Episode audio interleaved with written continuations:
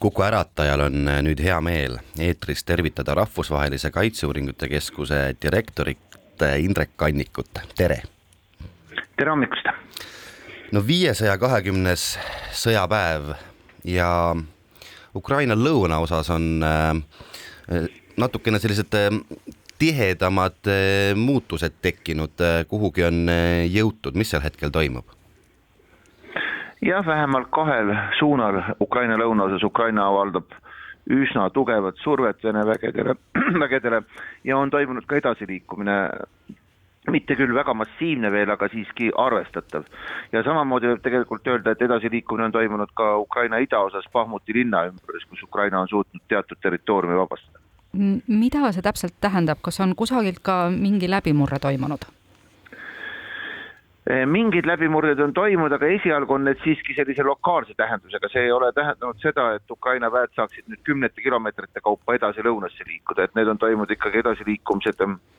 paari-kolme kilomeetri võrra, et see on see olukord, venelased jätkuvalt suudavad vastupanu osutada ja ja edasiliikumine ei lähe kuidagiviisi, ei saa öelda, et see läheks kergelt ukrainlaste jaoks. no viimasel ajal on ikkagi saanud äh, ukrainlased ka nii-öelda kriitikat või, või on arvamusi, et äh, see pealetung läheb ikkagi äh, vaevaliselt, on isegi kõlanud väljendid, et see pealetung on isegi läbi kukkunud. Äh, milline see pilt tegelikult on? No tegelikult ma ütlen, ei, ei saa seda väita kumbagi nendest, et oleks läbi kukkunud või, või läheb vaevaliselt. see, et venelased on hästi ette valmistunud selleks rünnakuks, see oli teada, see oli tegelikult teada eelmisest sügisest alates,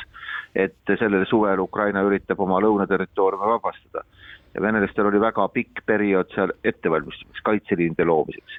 ja no olukorras, kus Ukrainal õhus ülekaalu ei ole, on algusest peale olnud selge, et protsess on aeganõudev ja, ja raske. Ukraina peab eelnevalt, et suuta üldse edasi liikuda, suutma hävitada arvestatav osa Vene suurtükiväge, mis rindele on toodud, vabastama territooriumi miinidest, ainult siis on edasiliikumine võimalik.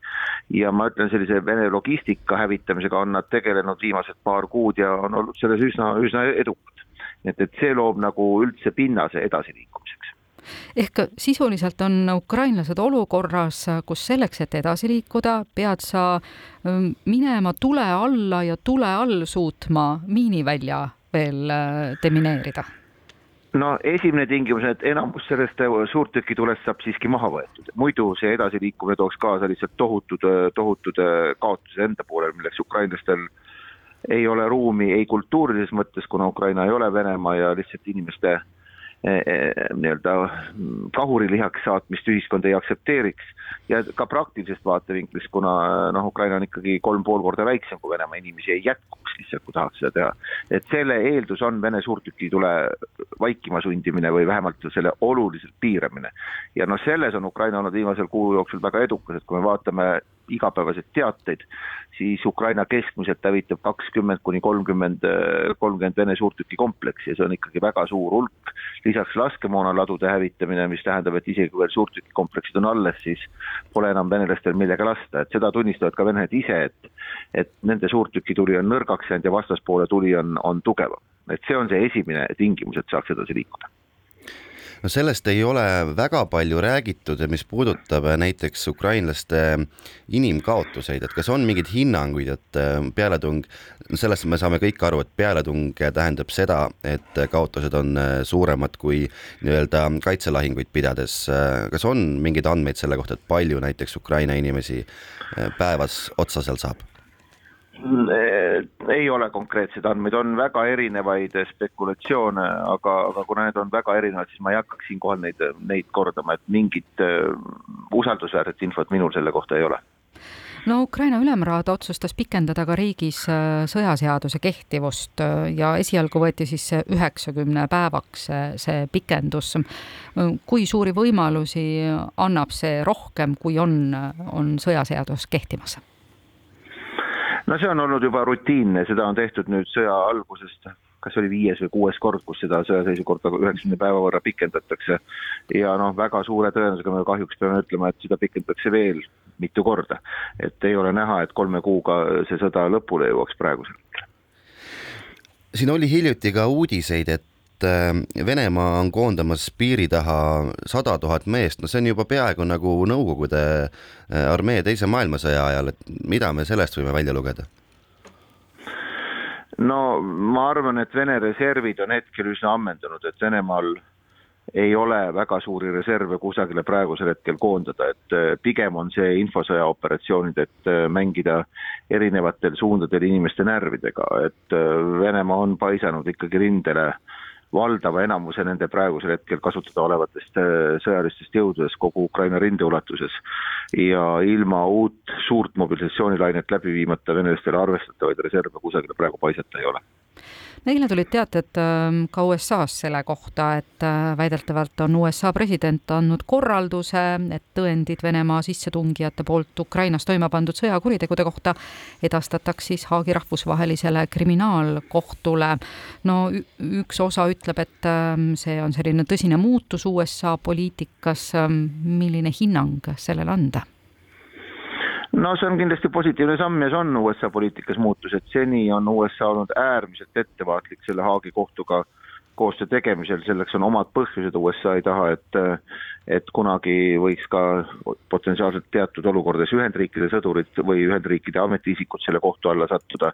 aga see on positiivne muutus, et antud kaasuse puhul siis on otsustatud nende käsutuses olevad tõendid kohtule üle anda no millal me ühel hetkel võime näha seda, et inimesed kohtu alla reaalselt ka jõuavad, kas selleks peab sõda läbi saama? jah, on täiesti selge, et tänane Venemaa juhtkond ei anna oma, oma inimesi selle kohtu alla välja, et, et see, et inimesed saaksid kohtu alla sattuda, peab tõepoolest Venemaal toimuma režiimi muutus ja sõda peab läbi saama, aga ma olen suhteliselt skeptiline selles osas, et Venemaa tippjuhtkond, noh näiteks president Putin või mõned teised inimesed kunagi sinna kohtu alla satuksid, et et Venemaa kas mõistab parema meelega nad kas ise süüdi või need inimesed kaovad või ei satu nad kunagi sinna kohtu alla, et ma olen üsna skeptiline, et tippjuhtkond sinna saab, jah, vähem väiksema taseme ohvitserid äh, mingid ametnikud võivad kunagi sinna sattuda, aga, aga päris tippjuhtkonna suhtes ma ei ole väga optimistlik USA-st veel rääkides, ähm, tänane hommik tõi uudise, et ähm, USA-st toodetud Abramsi tankid võivad jõuda Ukrainasse, kuidas selle relvaabiga hetkel on, Ukraina vajab seda peale tungides iga päev üha rohkem ja rohkem, kas see on hetkel piisav või on siin ikka veel vajaka? no ma ütleks oma tunde järgi, et, et relvaabi on kogu aeg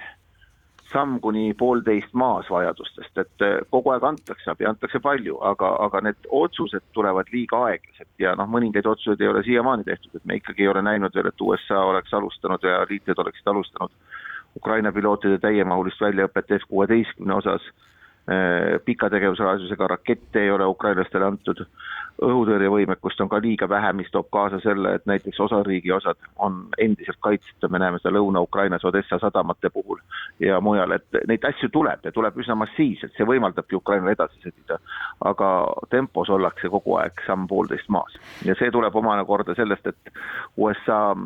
püüab jätkuvalt vältida nende silmis liigset eskalatsiooni Venemaaga, kartes, et Venemaa võib muidu võtta tõenäoliselt kasutusele tuumarelva mis ma arvan, et on ülekartmine, Venemaa hindab jõu, tugevust ja jõudu, mitte nõrkust ja kõhklemist. kas siin taga võib olla ka see noh, puhas spekulatsioon, et enne kui ülejäänud maailm ei suuda ära otsustada, et mis siis saab, kui sõda on läbi ja Venemaa on kaotanud, et milline see Venemaa tulevikus välja näeb, et nii kaua ei lasta ka sellel sõjal tegelikult lõppeda no see võib olla üks moment äh, aruteludes, et ähm, Ameerika on strateegiliste suurte muutuste suhtes alati väga ettevaatlik olnud, kui me meenutame Nõukogude Liidu lagunemist rohkem kui kolmkümmend aastat tagasi, ega siis ameeriklased seda ei tervitanud, ütleme tegelikult, ameeriklased oleksid hea meelega näinud Nõukogude Liidu püsimist vähemalt teatud, teatud piirides, võib-olla Balti riigid välja arvestatud, ja see oli nende silmis teatud stabiilsuse ilming, et ma arvan, et sama mõttelaadi võib praegu ka tõepoolest seal olla aitäh täna hommikuse jutuajamise eest, Rahvusvahelise Kaitseuuringute Keskuse direktor Indrek Kannik ja kena päeva jätku! aitäh!